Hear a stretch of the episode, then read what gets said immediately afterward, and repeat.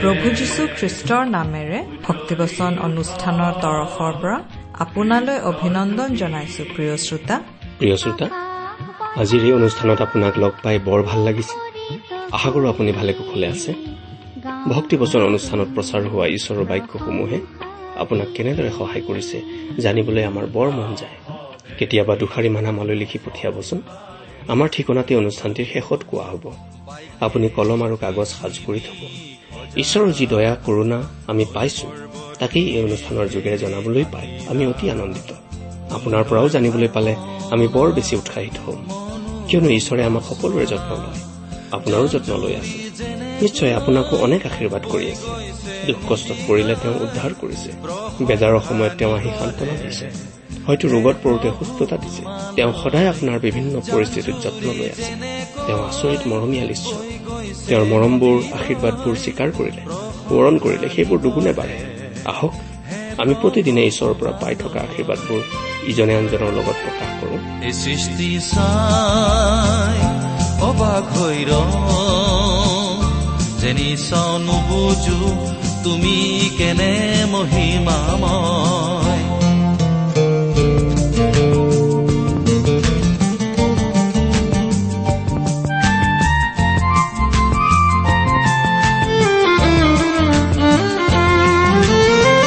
নিজ হাতে নিজ সদৃশেৰে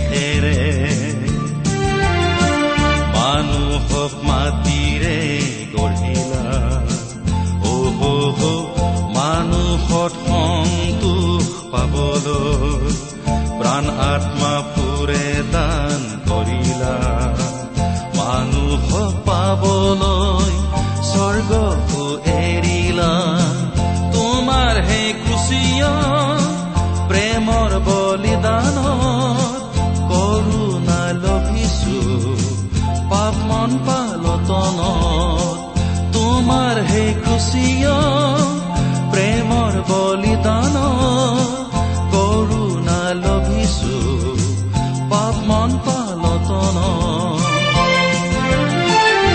এই সৃষ্টি চাই অবাক হৈ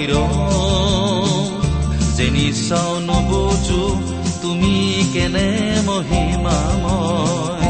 এই সৃষ্টি চাই অবাক হৈ যেনি আমাৰ পৰম পবিত্ৰ প্ৰভু যীশুখ্ৰীষ্টৰ নামত নমস্কাৰ প্ৰিয় শ্ৰোতা। আশা কৰো মহান পিতা পৰমেশ্বৰৰ মহান অনুগ্ৰহত আপুনি ভালে কুশলে আছে। লগতে এই বুলিও আশা কৰিছো যে আপুনি আমাৰ এই ভক্তিবচন অনুষ্ঠানটো নিয়মিতভাৱে শুনি আছে। প্ৰিয় শ্ৰোতা এই অনুষ্ঠান শুনি আপুনি কেনে পাইছে আমালৈ চিঠি লিখি জনাবচোন। আপোনালোকৰ পৰা চিঠি পত্ৰ পাবলৈ আমি আগ্ৰহেৰে বাট চাওঁ। আহকচোন আজিৰ বাইবেল অধ্যয়ন আৰম্ভ কৰাৰ আগতে খন্তেক প্ৰাৰ্থনাত মূৰ দুৱাওঁ।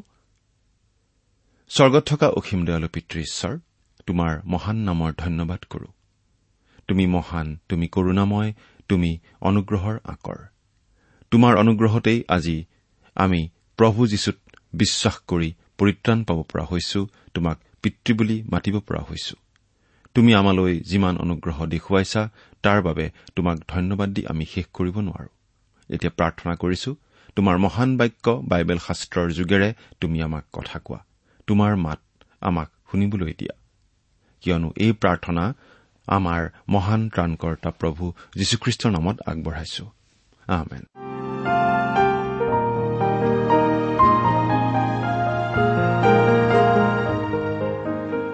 প্ৰিয় শ্ৰোতা আপুনি বাৰু আমাৰ আগৰ অনুষ্ঠানটো শুনিছিল নে আমি বাৰু এতিয়া কি আলোচনা কৰি আছো আপোনাৰ মনত আছেনে? আমি আজি কিছুদিন ধৰি বাইবেলৰ পুৰণি নিয়ম খণ্ডৰ জিৰিমিয়া ভাৱবাদীৰ পুস্তক নামৰ পুস্তকখন অধ্যয়ন কৰি আছো নহয়নে বাৰু? যোৱা অনুষ্ঠানত আমি এই জিৰিমিয়া ভাৱবাদীৰ পুস্তকখনৰ একত্ৰিশ নম্বৰ অধ্যায়ৰ আলোচনা আগবঢ়াইছিলো।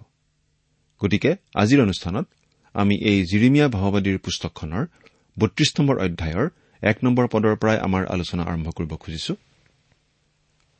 এই জিৰিমিয়া ভাৱবাদীৰ পুস্তকখন হৈছে ভাৱবাণীমূলক পুস্তক। ভৱিষ্যতে ঘটিবলগীয়া কিছুমান কথা জিৰিমিয়া ভাৱবাদীৰ যোগেদি ঈশ্বৰে জিহুদা ৰাজ্য অৰ্থাৎ ইছৰাইলীয়া লোকৰ দক্ষিণ ৰাজ্যখনৰ লোকবিলাকক জনাই দিছিল। ইতিমধ্যেই উত্তৰৰ ৰাজ্য অৰ্থাৎ ইছৰাইলৰ লোকসকলক শত্ৰুৱে পৰাস্ত কৰি বন্দী কৰি নিছিল। তেওঁলোকে ঈশ্বৰৰ প্ৰতি অবাধ্য আচৰণ কৰি থকাৰ কাৰণেই তেওঁলোকক ঈশ্বৰে তেনেদৰে শাস্তি দিছিল। এতিয়া জিহুদাৰ লোকসকলকো ঈশ্বৰে সাৱধান কৰি দিছে। তেওঁলোকে যাতে সকলো মন্দতা এৰি ঈশ্বৰলৈ ঘূৰে যাতে আন দেৱ দেৱী আদিৰ সেৱা পূজা নকৰে। নহলে তেওঁলোকৰো একেই অৱস্থা হ'ব। তেওঁলোকক বাবিলনীয়াসকলে পৰাস্ত কৰি বন্দী কৰি লৈ যাব। আৰু ঠিক তেনেদৰেই ঘটিছিল বুলি আমি ইতিমধ্যে আলোচনা কৰি আহিছো। বাবিলনৰ ৰজা নবুখত নেচৰে তেওঁলোকক বন্দী কৰি লৈ গৈছিল। জিৰচালেম নগৰো ধবংস কৰা হৈছিল। কিন্তু সেই বন্দী অৱস্থাত থকা লোকসকললৈ আশাৰ বাতৰি ঈশ্বৰে দিছিল। জিৰিমিয়াৰ যোগেদি তেওঁলোকক ভৱিষ্যতে আহিবলগীয়া সুদিনৰ কথা জনাই থকা হৈছে। এতিয়া আমি বত্ৰিশ আৰু তেত্ৰিশ নম্বৰ অধ্যায়ত পাওঁ সেই বন্দী জীৱন কটোৱা জিৰিমিয়াই স্থাৱৰ সম্পত্তি কিনা আৰু ডায়ুদৰ বংশলৈ অংগীকাৰ কৰা ৰাজ্যৰ আগমনৰ বিষয়ে। আমি ইতিমধ্যে পাই আহিছো যে জিৰিমিয়াই ঈশ্বৰৰ বাক্য ঘোষণা কৰাৰ কাৰণে জিৰচালেম নগৰ ধ্বংস হ'ব বুলি ঘোষণা কৰাৰ কাৰণে তেওঁক বন্দীশালত থোৱা হৈছিল। আমি বত্ৰিশ নম্বৰ অধ্যায়ত পাওঁ যে জিৰিমিয়া যদিও বন্দীশালত আছে তথাপি তেওঁ অনাথোটত এডোখৰ মাটি কিনিছে আৰু আনহাতে নমুখতনেশ্বৰ ৰজাই জিৰচালেম নগৰখন অৱৰোধ কৰি ৰাখিছে। নমুখতনেশ্বৰ ৰজাই জিৰচালেমৰ দেৱাল ভাঙি নগৰখন ধ্বংস কৰাৰ সময়ত জিহুদাৰ শেষ ৰজা চিডিকিয়াই ৰাজত্ব কৰিছিল আৰু জিহুদাৰ বৰ অন্ধকাৰ কালৰ সেই বছৰটো আছিল চিডিকিয়াৰ ৰাজত্বৰ দশম বছৰৰ বছৰ। এতিয়া আমি বাইবেলৰ পৰা পাঠ কৰিছো। বত্ৰিশ নম্বৰ অধ্যায়ৰ এক আৰু দুই নম্বৰ পদ। জিহুদাৰ চিডিকিয়াৰ ৰজাৰ ৰাজত্বৰ দশম বছৰত অৰ্থাৎ নবুখত নেচৰৰ ৰাজত্বৰ অষ্টাদশ বছৰত জিহুৱাৰ পৰা যি বাক্য জিৰিমিয়াৰ ওচৰলৈ আহিছিল তাৰ বিষয়। সেই সময়ত বাবিলৰ ৰজাৰ সৈন্য সামন্তই জিৰচালেম অৱৰোধ কৰিছিল আৰু জিৰিমিয়া ভাওবাদী জিহুদাৰ ৰাজগৃহৰ প্ৰহৰীৰ চোতালত বন্ধ আছিল। সেই সময়তে বন্দীশালত বন্দী হৈ থকা জিৰিমিয়াক ঈশ্বৰে কৈছিল যে তেওঁ তেওঁৰ সম্বন্ধীয় হনমিলৰ পৰা মাটি এডোখৰ কিনাৰ সুযোগ লাভ কৰিব। এই সময়খিনি আছিল মাটি কিনা বেচা কৰাৰ সময়। সেয়ে এই সময়তে জিৰিমিয়াই এডোখৰ স্থাৱৰ সম্পত্তি মাটি কিনিছিল। কিন্তু জিৰিমিয়াই এই মাটিডোখৰ কিনিছিল কিয়? ঈশ্বৰে যে তেওঁৰ বন্দী লোকসকলক পুনৰ স্বদেশলৈ ঘূৰাই লৈ আহিব। তাৰেই চিন বা প্ৰমাণ দেখুৱাবলৈকে তেওঁ হনমিলৰ পৰা মাটিডোখৰ কিনিছিল। এতিয়া আমি পাঠ কৰি দিব খুজিছো বত্ৰিশ নম্বৰ অধ্যায়ৰ সাত আঠ আৰু ন নম্বৰ পদ।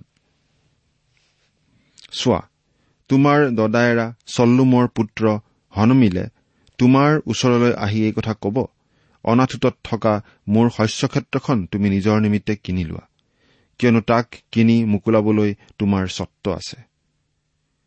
পাছে জিহুৱাৰ বাক্য অনুসাৰে মোৰ দদাইৰ পুতেক হনমেলে প্ৰহৰীৰ চোতাললৈ মোৰ ওচৰলৈ আহি কলে মই বিনয় কৰো বিন্যামিন প্ৰদেশৰ অনাথোটত থকা মোৰ শস্যক্ষেত্ৰখন তুমি কিনি লোৱা কিয়নো উত্তৰাধিকাৰ আৰু মুকুলাবৰ স্বত্ব তোমাৰ। তুমি নিজৰ নিমিত্তে তাক কিনি লোৱা। তেতিয়া এইয়ে যে জিহুৱাৰ বাক্য তাক মই জানিলো। এই হেতুকে মই মোৰ দদাইৰ পুতেক হনমিলৰ পৰা অনাথোটত থকা শস্যক্ষেত্ৰখন কিনি লৈ তাৰ ধন সোতৰ চেকল ৰূপ জুখি তেওঁক দিলো। কিন্তু তেওঁৰ এই কঠিন পৰিচৰ্যাৰ কালত জিৰিমিয়াই এটা কথা বুজি পাবলৈ বৰ টান পাইছিল। আৰু তেওঁ ঈশ্বৰৰ গুৰিত এটা প্ৰশ্নৰ অৱতাৰণা কৰিছে। আমি ষোল্ল নম্বৰ পদৰ পৰা পঁচিছ নম্বৰ পদলৈকে পাঠ কৰিলে এই বিষয়ে পাওঁ। পাঠ কৰিছো। নেৰিয়াৰ পুত্ৰ বাৰুকক সেই খৰিদা দলিলখন দিয়াৰ পাছত মই জিহুৱাৰ আগত এই প্ৰাৰ্থনা কৰিলো। হে প্ৰভু জিহুৱা চোৱা তুমিয়েই তোমাৰ মহাশক্তিৰে আৰু মেলা বাহুৰে আকাশমণ্ডল আৰু পৃথিৱী নিৰ্মাণ কৰিলা তোমাৰ অসাধ্য একোৱেই নাই। তুমি হাজাৰ হাজাৰ লোকলৈ দয়া প্ৰকাশ কৰোতা আৰু পূৰ্বপুৰুষবিলাকৰ অপৰাধৰ প্ৰতিফল তেওঁবিলাকৰ পাছত হোৱা তেওঁবিলাকৰ সন্তান সন্ততিৰ বুকুত দিওঁতা মহান পৰাক্ৰমী ঈশ্বৰ। বাহিনীবিলাকৰ জিহুৱা তেওঁৰ নাম। তুমি মন্ত্ৰণাত মহান আৰু কাৰ্যত শ্ৰেষ্ঠ। প্ৰতিজনৰ আচাৰ ব্যৱহাৰ আৰু কাৰ্যৰ ফল অনুসাৰে প্ৰতিফল দিবলৈ মনুষ্য সন্তানবিলাকৰ আটাই আচাৰ ব্যৱহাৰৰ ওপৰত তোমাৰ চকু মেলা আছে। তুমি মিছৰ দেশত নানা চিন আৰু অদ্ভুত লক্ষণ দেখুৱাইছিলা। আজিলৈকে ইছৰাইল আৰু আন আন জাতিবিলাকৰ মাজত কৰি আহিছা। তুমি নিজৰ নিমিত্তে আজিৰ নিচিনাকৈ নাম প্ৰখ্যাত কৰিলা। তুমি নানা চিন আৰু অদ্ভুত লক্ষণ বলি হাত মেলা বাহু আৰু মহাভয়ানকতাৰে তোমাৰ প্ৰজা ইছৰাইল লোকবিলাকক মিছৰ দেশৰ পৰা উলিয়াই আনিছিলা। আৰু গাখীৰ মৌজোল বৈ যোৱা যি দেশ তেওঁবিলাকক দিম বুলি তুমি তেওঁবিলাকৰ পূৰ্বপুৰুষবিলাকৰ আগত শপত কৰিছিলা সেই দেশ তুমি তেওঁবিলাকক দিলা। আৰু তেওঁবিলাকে সোমাই তাক অধিকাৰ কৰিলে। কিন্তু তেওঁবিলাকে তোমাৰ বাক্য পালন নকৰিলে বা তোমাৰ ব্যৱস্থাত নচলিলে। আৰু তুমি তেওঁবিলাকক যি যি কাৰ্য কৰিবলৈ আজ্ঞা দিলা সেইবোৰৰ একোকে তেওঁবিলাকে নকৰিলে। এই নিমিত্তে তুমি তেওঁবিলাকলৈ এই সকলো আপদ ঘটালা। চোৱা নগৰখন লবৰ উদ্দেশ্যেৰে সৌৱা হাদামবোৰ ওচৰ পালেহি। তৰোৱাল আকাল আৰু মহামাৰীৰ কাৰণে এই নগৰখন তাৰ অহিতে যুদ্ধ কৰা কলদিয়াহঁতৰ হাতত সমৰ্পণ কৰা হৈছে। আৰু তুমি কোৱা কথা ঘটিল আৰু চোৱা তুমি তাক দেখিছা। আৰু হে প্ৰভু যি হোৱা ধন দি শস্যক্ষেত্ৰ কিনা আৰু সাক্ষী মাতা এই বুলি তুমি মোক কলা অথচ এই নগৰখন কলদিয়াবিলাকৰ হাতত সোধাই দিয়া হৈছে। জিৰিমিয়াই এই প্ৰশ্নটো উত্থাপন কৰিছে। কাৰণ তেওঁ দেখিছে যে এহাতে ঈশ্বৰে জিহুদাৰ লোকসকলক কলদিয়াবিলাকৰ হাতত বন্দী হবলৈ সোধাই দিছে কিন্তু আনহাতে জিৰিমিয়াক ঈশ্বৰে মাটি এডোখৰ কিনিবলৈ পৰামৰ্শ দিছে। আমি স্বীকাৰ কৰো যে জিৰিমিয়াৰ ঠাইত আমি হোৱা হলেও এই ক্ষেত্ৰত একেই প্ৰশ্ন সুধিলোহেঁতেন কাৰণ আমি একো বুজি নাপালোহেঁতেন। কথাবোৰ বুজি নাপাই জিৰিমিয়াই খোলাখুলিভাৱে ঈশ্বৰক প্ৰশ্ন কৰিছে কিয় বুলি? কিয় এনেকুৱা কৰিবলৈ কৈছে বুলি? প্ৰিয় শ্ৰোতা বুজি নোপোৱা কথা আৰু বিষয়ৰ ক্ষেত্ৰত কিয় বুলি ঈশ্বৰক প্ৰশ্ন কৰাত অপৰাধ একো নাই? জিৰিমিয়াই নজনা কথা জানিবলৈ বিচৰাত আমি পাওঁ জিৰিমিয়াই কৰা প্ৰাৰ্থনাৰ উত্তৰ ছাব্বিছ পদৰ পৰা চৌৰাল্লিছ পদত ঈশ্বৰে দিছে। উত্তৰত ঈশ্বৰে কৈছে যে এতিয়া ঈশ্বৰে জিহুদা আৰু ইয়াৰ নগৰ জিৰচালেমক শত্ৰুৰ হাতত সোধাই দিছে ঠিকেই।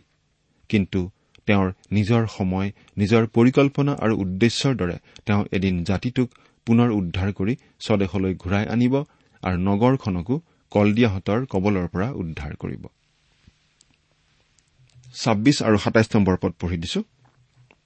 তেতিয়া জিৰিমিয়াৰ ওচৰলৈ জিহুৱাৰ বাক্য আহিল বোলে চোৱা ময়েই জিহুৱা সকলো মৰ্তৰে ঈশ্বৰ মোৰ অসাধ্য জানো কিবা আছে? ঈশ্বৰে জনাই দিছে যে তেওঁৰ বাবে কোনো কথাই অসম্ভৱ নহয়। ঈশ্বৰ সৰ্বশক্তিমান। তেওঁ সাৰ্বভৌম। তেওঁ কৰো বুলি ভাবিলে কৰিব পাৰে। তেওঁক কোনেও বাধা দি ৰাখিব নোৱাৰে। যিকোনো পৰিস্থিতি তেওঁ নিয়ন্ত্ৰণ কৰিব পাৰে। যিকোনো পৰিৱেশ পৰিস্থিতি তেওঁ সলনি কৰিব পাৰে। কাৰণ তেওঁ সৰ্বশক্তিমান ঈশ্বৰ। গোটেই বিশ্ব ব্ৰহ্মাণ্ডখন তেওঁৰ নিয়ন্ত্ৰণত আছে। এতিয়া আমি ছয়ত্ৰিশ নম্বৰ পদৰ পৰা চল্লিছ নম্বৰ পদলৈকে পাঠ কৰি দিব খুজিছো। এই হেতুকে এতিয়া তোমালোকে যি নগৰৰ বিষয়ে কৈছা বোলে তৰোৱাল আকাল আৰু মহামাৰীৰ দ্বাৰাই এই নগৰখন বাবিলৰ ৰজাৰ হাতত সোধাই দিয়া হৈছে তাৰ বিষয়ে ইছৰাইলৰ ঈশ্বৰ জিহুৱাই এই কথা কৈছে। চোৱা মই মোৰ ক্ৰোধ কোপ আৰু মহাৰোষত তেওঁবিলাকক যি যি দেশলৈ খেদাইছিলো সেই সেই দেশৰ পৰা তেওঁবিলাকক চপাম আৰু পুনৰাই এই ঠাইলৈ আনি নিৰাপদে বাস কৰাম। তাতে তেওঁবিলাক মোৰ প্ৰজা হ'ব আৰু মই তেওঁবিলাকৰ ঈশ্বৰ হ'ম। তেওঁবিলাকে চিৰকাললৈকে মোক ভয় কৰিবৰ নিমিত্তে তেওঁবিলাকৰ আৰু তেওঁবিলাকৰ পাছৰ সন্তানবিলাকৰ মংগলৰ অৰ্থে তেওঁবিলাকক এক চিত্ৰ আৰু এক পথ দিম। তেওঁবিলাকৰ মংগল কৰিবলৈ মই যে তেওঁবিলাকৰ পৰা নুঘূৰিম তেওঁবিলাকে সৈতে মই এনে চিৰস্থায়ী নিয়ম স্থাপন কৰিম। আৰু তেওঁবিলাক মোৰ পৰা আঁতৰ নহবৰ নিমিত্তে তেওঁবিলাকৰ মনত মোৰ বিষয়ৰ ভয় স্থাপন কৰিম। তেওঁ নগৰখন এতিয়া কলদিয়াবিলাকৰ হাতত এৰি দিছে কিন্তু তেওঁ তেওঁৰ সময়ত তেওঁ নিৰ্ধাৰণ কৰি ৰখা সময়ত সেই নগৰখন আকৌ কলদিয়াবিলাকৰ হাতৰ পৰা উদ্ধাৰ কৰিব।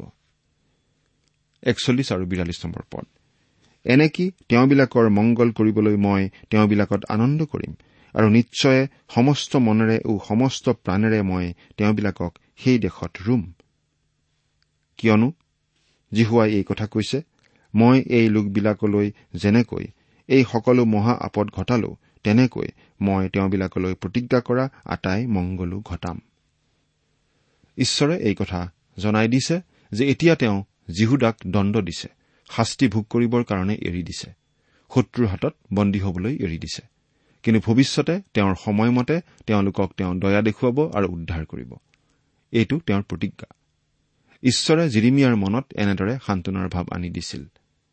আমিও যদি আমাৰ মনৰ সকলো দুখ বেজাৰৰ কথা ঈশ্বৰক খুলি কওঁ তেওঁ আমাৰ মনত সান্তনাৰ ভাৱ দিব পাৰে।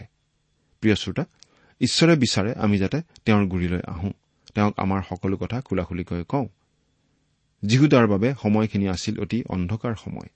কিন্তু ঈশ্বৰে জিৰিমিয়াক সেই অন্ধকাৰ সুৰংগৰ সিপিনে থকা পোহৰ দেখাবলৈ পাহৰা নাই। ভৱিষ্যতে আহিবলগীয়া পোহৰৰ দিনৰ কথা তেওঁ জনাই দিছে। তেত্ৰিশ নম্বৰ অধ্যায়ত ঈশ্বৰে ডায়ুদৰ লগত কৰা চুক্তিৰ কথা আকৌ দোহাৰিছে আৰু সেই চুক্তি পালন কৰাৰ প্ৰতিজ্ঞা আকৌ কৰিছে। এনে এটা দিন আহিব যি দিনত তেওঁ ইছৰাইল জাতিক তেওঁলোকৰ দেশত পুনৰ সংস্থাপিত কৰিব আৰু তেওঁৰ সৈতে তেওঁলোকৰ সহভাগিতা আকৌ স্থাপিত হ'ব। তেত্ৰিশ নম্বৰ অধ্যায়ৰ এক নম্বৰ পদটো পাঠ কৰি দিছো। পাছে দ্বিতীয়বাৰ জিৰিমিয়ালৈ জিহুৱাৰ বাক্য আহিল বোলে তেতিয়াও তেওঁ প্ৰহৰীৰ চোতালত বন্ধ আছিল।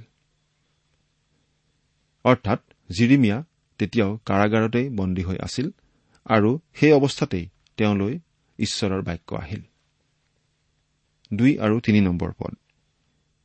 এই কাৰ্যৰ কৰ্তা জিহুৱা যিজনাই ইয়াক সিদ্ধ কৰিবলৈ কল্পনা কৰে জিহুৱা নামেৰে প্ৰখ্যাত হোৱা সেই জিহুৱাই এইদৰে কৈছে তুমি মোৰ আগত প্ৰাৰ্থনা কৰা তাতে মই তোমাক উত্তৰ দিম আৰু তুমি নজনা মহৎ আৰু অগম্য কথা তোমাক জনাম। এই শেষৰ পদটো সাক্ষ্য দিয়াৰ সময়ত প্ৰায়েই উদ্ধৃতি দিয়া শুনা যায়। এইটো নিশ্চয় অতি মনোমোহা পদ কিন্তু এই অধ্যায়টোৰ প্ৰসংগত এই পদটো মনত ৰাখিলে বেছি ভাল। যদিও জিৰিমিয়া বন্দীশালত আছিল তথাপি ঈশ্বৰে তেওঁক এডোখৰ মাটি কিনি ল'বলৈ কৈছিল। জিৰিমিয়াই ঈশ্বৰৰ ওপৰত ভৰসা ৰাখি বিশ্বাসেৰে সেই মাটি কিনিছিল। কিন্তু তেওঁৰ মনত নানা ধৰণৰ প্ৰশ্ন আছিল। ঈশ্বৰেনো যীহুদাক কিয় বন্দী হৈ যাবলৈ এৰি দিছিল?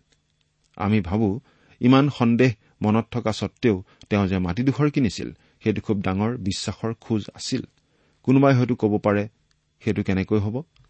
প্ৰিয় শ্ৰোতা আপুনি যদি ঈশ্বৰৰ সৈতে বাট বুলি থাকে আৰু তেওঁৰ সৈতে সহভাগিতা উপভোগ কৰি থাকে তেন্তে তেওঁ ইমান অপূৰ্ব আৰু ইমান সুন্দৰ কাম কৰি থাকে যে কেতিয়াবা তেওঁ যি কৰে আপুনি বুজিয়েই নাপাব। তেতিয়া আমি নিশ্চয় সুধিম এই কামনো আপুনি কিয় কৰিছে? তাৰমানে ঈশ্বৰৰ কামটোহে আমি বুজি পোৱা নাই তেওঁৰ উদ্দেশ্যটোহে আমি বুজি পোৱা নাই তেওঁৰ ওপৰত আমাৰ বিশ্বাস নোহোৱা হৈ যোৱাক নুবুজায়। আমাৰ জীৱনত এনেকুৱা অভিজ্ঞতা কেতিয়াবা কেতিয়াবা নহয়নে বাৰু? এনেকুৱা প্ৰশ্ন আমাৰ জীৱনত নিশ্চয় থাকে। বহু সময়ত আমি বহুতো কথা বুজি নাপাওঁ। কিন্তু আমি অন্ধকাৰৰ মাজত ঈশ্বৰৰ হাতত ধৰি বিশ্বাসেৰে খোজকাঢ়িবলৈ শিকিব লাগে। আমি কিবা নুবুজিলে নিশ্চয় ঈশ্বৰক ক'ব পাৰো সুধিব পাৰো আৰু উপযুক্ত সময়ত তেওঁ নিশ্চয় আমাক বুজাই দিব। কিন্তু আমি বিশ্বাসেৰে বাট বুলি থাকিব লাগে। আমি হবকুক পুস্তকখন পঢ়িলে দেখা পাওঁ যে হবকুকৰো বহুতো প্ৰশ্ন আছিল। জোনা ভাৱবাদীৰো প্ৰশ্ন বহুতো আছিল। এনেকুৱা প্ৰশ্নবোৰে ঈশ্বৰৰ প্ৰতি বিশ্বাস নথকা বুলি নুবুজাই বৰং আমাৰ মনত নানা প্ৰশ্ন থকা সত্বেও সেই কথা লুকুৱাই ৰখাটোহে দুতলীয়া মনোভাৱৰ চিন। ঈশ্বৰে আমাক সম্পূৰ্ণ সৎ হোৱাটো বিচাৰে। মনত কিবা প্ৰশ্ন থাকিলে সেইটো তেওঁক জনোৱাটো ঈশ্বৰে বিচাৰে আৰু তেওঁ এই প্ৰতিজ্ঞা কৰিছে মোক মাতা মোক সোধা মই তোমাক উত্তৰ দিম মই তোমাক মহৎ মহৎ কাৰ্যবোৰ দেখুৱাম যিবোৰ তুমি আগতে কেতিয়াও দেখা নাই তেনেকুৱা আচৰিত কথাবোৰ দেখুৱাম। এতিয়া ঈশ্বৰে ডায়ুদৰ লগত কৰা চুক্তিটো আকৌ সোঁৱৰণ কৰি সেই চুক্তি আকৌ এবাৰ দোহৰাৰ কথা আমি পাওঁ। এই চুক্তি আমি পাওঁ দ্বিতীয় চমুৱেল সাত নম্বৰ অধ্যায়ত। ঈশ্বৰে ডায়ুদৰ লগত এই বুলি চুক্তি কৰিছিল যে এদিন তেওঁৰ সিংহাসনত এজন বহিব আৰু অনন্তকাললৈ ৰাজত্ব কৰিব। এই চুক্তিটো সকলো ভাৱবাদীৰ মূল গীত যেন হৈ পৰিল। বাৰে বাৰে সেই গীতেই বাজি থকা আমি শুনি আছো। তেওঁলোকে বাৰে বাৰে এই চুক্তিটোলৈ উভতি যায় আৰু সেই কথা মনত পেলায়। জিৰিমিয়াইনো কি কৈছে? চাওকচোন। চৈধ্য আৰু পোন্ধৰ নম্বৰ পদ। জিহুৱাই কৈছে চোৱা ইছৰাইল বংশ আৰু জিহুদা বংশৰ বিষয়ে মই কোৱা মংগল বাক্য যিদিনা সিদ্ধ কৰিম এনেদিন আহিছে। সেইদিনা আৰু সেই কালত মই ডায়ুদৰ বংশত এক ধাৰ্মিক গজালি গজাম তেওঁ দেশত বিচাৰ আৰু ন্যায় সিদ্ধ কৰিব। সেই কালত মানে আহিবলগীয়া সেই প্ৰভুৰ দিনত। ডায়ুদৰ বংশত এক ধাৰ্মিক গজালি গজাম। এতিয়ালৈকে আমি আন কোনো ধাৰ্মিক গজালি দেখা নাই মাত্ৰ এজনাৰ বাহিৰে। সেইজননো কোন?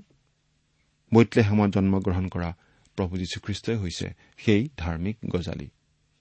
তেওঁ দেশত বিচাৰ আৰু ন্যায় সিদ্ধ কৰিব। আমি এতিয়ালৈকে তেনেকুৱা শাসনকৰ্তা পোৱা নাই।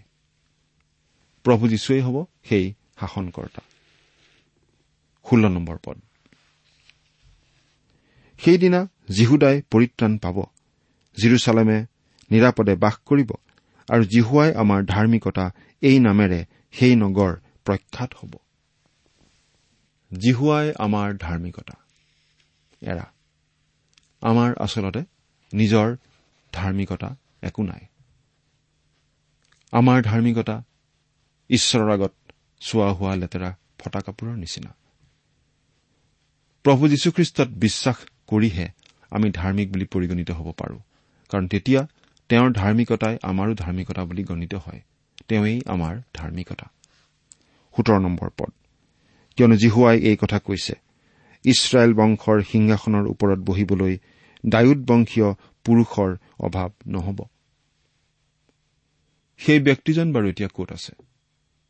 আজি এই পৃথিৱীত এনে এজনা ব্যক্তি নাই যিজনে ডায়ুদৰ সিংহাসনত বহিবলৈ দাবী কৰিব পাৰে। নাইবা ডায়ুদৰ সিংহাসনত বহাৰ উপযুক্ত বুলি ক'ব পাৰে। যিজনাই সেই দাবী কৰিব পাৰে তেওঁ এতিয়া স্বৰ্গত পিতৃ ঈশ্বৰৰ সোঁহাতে বহি আছে। গীত ৰচকে এনেদৰে কৈছে জিহুৱাই মোৰ প্ৰভুক কলে মই তোমাৰ শত্ৰুবোৰক তোমাৰ ভৰি পীড়া নকৰো মানে তুমি মোৰ সোঁহাতে বহি থাকা। গীতমালা এশ দহ নম্বৰ গীতৰ এক নম্বৰ পদ। প্ৰভু যীশুখ্ৰীষ্ট এদিন ৰজাৰো ৰজা প্ৰভুৰো প্ৰভু হিচাপে আত্মপ্ৰকাশ কৰিবলৈ আহিব। ঈশ্বৰে আজি প্ৰভু যীশুৰ নামৰ লোক নিজলৈ আহান কৰি আছে। তেওঁ সকলো সাজু কৰিব ধৰিছে যাতে তেওঁৰ প্ৰিয় পুত্ৰ যীশুখ্ৰীষ্টক এই বিশ্বজগতৰ সিংহাসনত তেওঁ বহুৱাব পাৰে। ওঠৰ নম্বৰ পদ। আৰু মোৰ আগত হোম বলি উৎসৰ্গ কৰিবলৈ নৈবেদ্য দগ্ধ কৰিবলৈ আৰু নিত্যে নিত্যে মংগলাৰ্থক বলিদান কৰিবলৈ লেবিয়া পুৰোহিতবিলাকৰ মাজৰ কোনো পুৰুষৰ অভাৱ নহ'ব। তেতিয়া প্ৰকৃতপক্ষে ঈশ্বৰৰ উপাসনা হ'ব। এতিয়া আমি একেবাৰে ঊনৈশ নম্বৰ পদৰ পৰা বাইশ নম্বৰ পদলৈকে পাঠ কৰি দিম। পাছে জিৰিমিয়াৰ ওচৰলৈ জিহুৱাৰ বাক্য আহিল।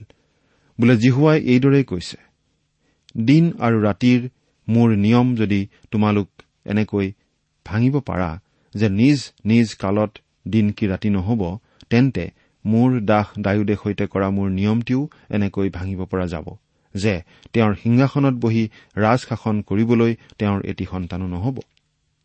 আৰু মোৰ পৰিচাৰক লেবিয়া পুৰোহিতবিলাকে সৈতে কৰা মোৰ নিয়মটো ভাঙিব পৰা যাব।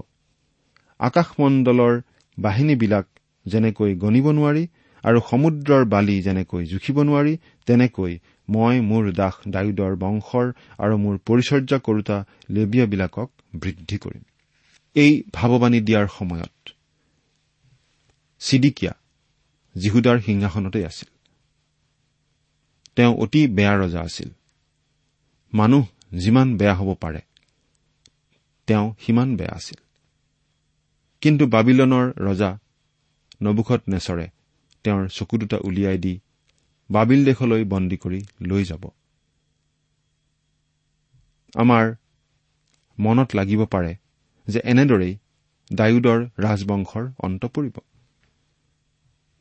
এনেকুৱা ঘটনাৰ দ্বাৰা পৃথিৱীৰ আন যিকোনো ৰাজ্যৰ ৰাজবংশৰ নিশ্চয় অন্ত পেলাব বা পেলাব পৰা গ'লহেঁতেন। সেই বিষয়ে আমাৰ মনত সন্দেহ নাই। চিন্তা কৰি চাওকচোন। চিডিকিয়াৰ চকুৰ আগতেই তেওঁৰ সন্তানবোৰক বধ কৰা হৈছিল আৰু তেওঁৰ চকু অন্ধ কৰি বন্দী কৰি লৈ গৈছিল নবুখত নজৰ ৰজাই বাবিল দেশলৈ। সেই নবুখত নজৰ ৰজাৰ ৰাজবংশৰনো আজি কি হল? নবুখত নেজৰ ৰজাৰ ৰাজ সিংহাসনৰ উত্তৰাধিকাৰী কোন? তেওঁৰ সিংহাসন দাবী কৰিবলৈ কোনোবা আছেনে? আজি মিছৰ দেশত কোনোবা ফৰুণ আছেনে? কিন্তু ডায়ুদৰ সিংহাসন দাবী কৰিব পৰা এজনা আছে। এদিন সেই সিংহাসনত তেওঁ অধিষ্ঠিত হ'ব গোটেই বিশ্ব ব্ৰহ্মাণ্ড তেওঁ শাসন কৰিব আৰু এইটো অতি গুৰুত্বপূৰ্ণ ভাৱবাণী আৰু এই ভাৱবাণী আমি অৱহেলা কৰিব নোৱাৰো। ইয়াৰ আন অৰ্থও আমি উলিয়াব নোৱাৰো। ঠিক এনেদৰেই ঘটিব আৰু সেইদিন আহি আছে। প্ৰভু যীশুৱেই সেই উত্তৰাধিকাৰী। আপুনি বাৰু তেওঁক আপোনাৰ জীৱনৰ ৰজা হিচাপে গ্ৰহণ কৰিছেনে? ঈশ্বৰে আপোনাক আশীৰ্বাদ কৰক। আহমেদ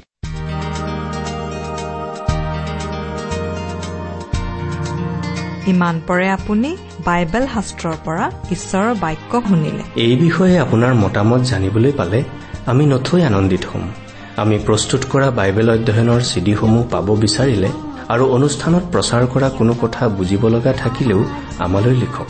আমাৰ যোগাযোগৰ ঠিকনা ভক্তিবচন ট্ৰান্সৱৰ্ল্ড ৰেডিঅ' ইণ্ডিয়া ডাক বাকচ নম্বৰ সাত শূন্য গুৱাহাটী সাত আঠ এক শূন্য শূন্য এক। ঠিকনাটো আকৌ এবাৰ কৈছো ভক্তিবচন ট্ৰান্সৱৰ্ল্ড ৰেডিঅ' ইণ্ডিয়া ডাক বাকচ নম্বৰ সাত শূন্য গুৱাহাটী সাত আঠ এক শূন্য শূন্য এক। আমাৰ ইমেইল এড্ৰেছটো হৈছে Assamese T TV at the rate radio' eight eight two dot com. আমাৰ website W W W dot T W R dot in আপুনি টেলিফোনৰ মাধ্যমেৰেও আমাক যোগাযোগ কৰিব পাৰে। আমাৰ টেলিফোন নম্বৰটো হৈছে nine eight five four zero' four zero' eight eight nine. Phone নম্বৰটো আকৌ এবাৰ কৈছো ন আঠ পাঁচ চাৰি শূন্য চাৰি শূন্য আঠ আঠ ন। আপুনি এই ভক্তিবচন অনুষ্ঠানটি আমাৰ website W W W dot radio' eight eight two dot কমতো শুনিব পাৰিব। আজিৰ অনুষ্ঠানটি ইমানতেই সামৰিছো। ঈশ্বৰৰ শান্তি আৰু অনুগ্ৰহ আপোনাৰ লগত থাকক। ধন্যবাদ।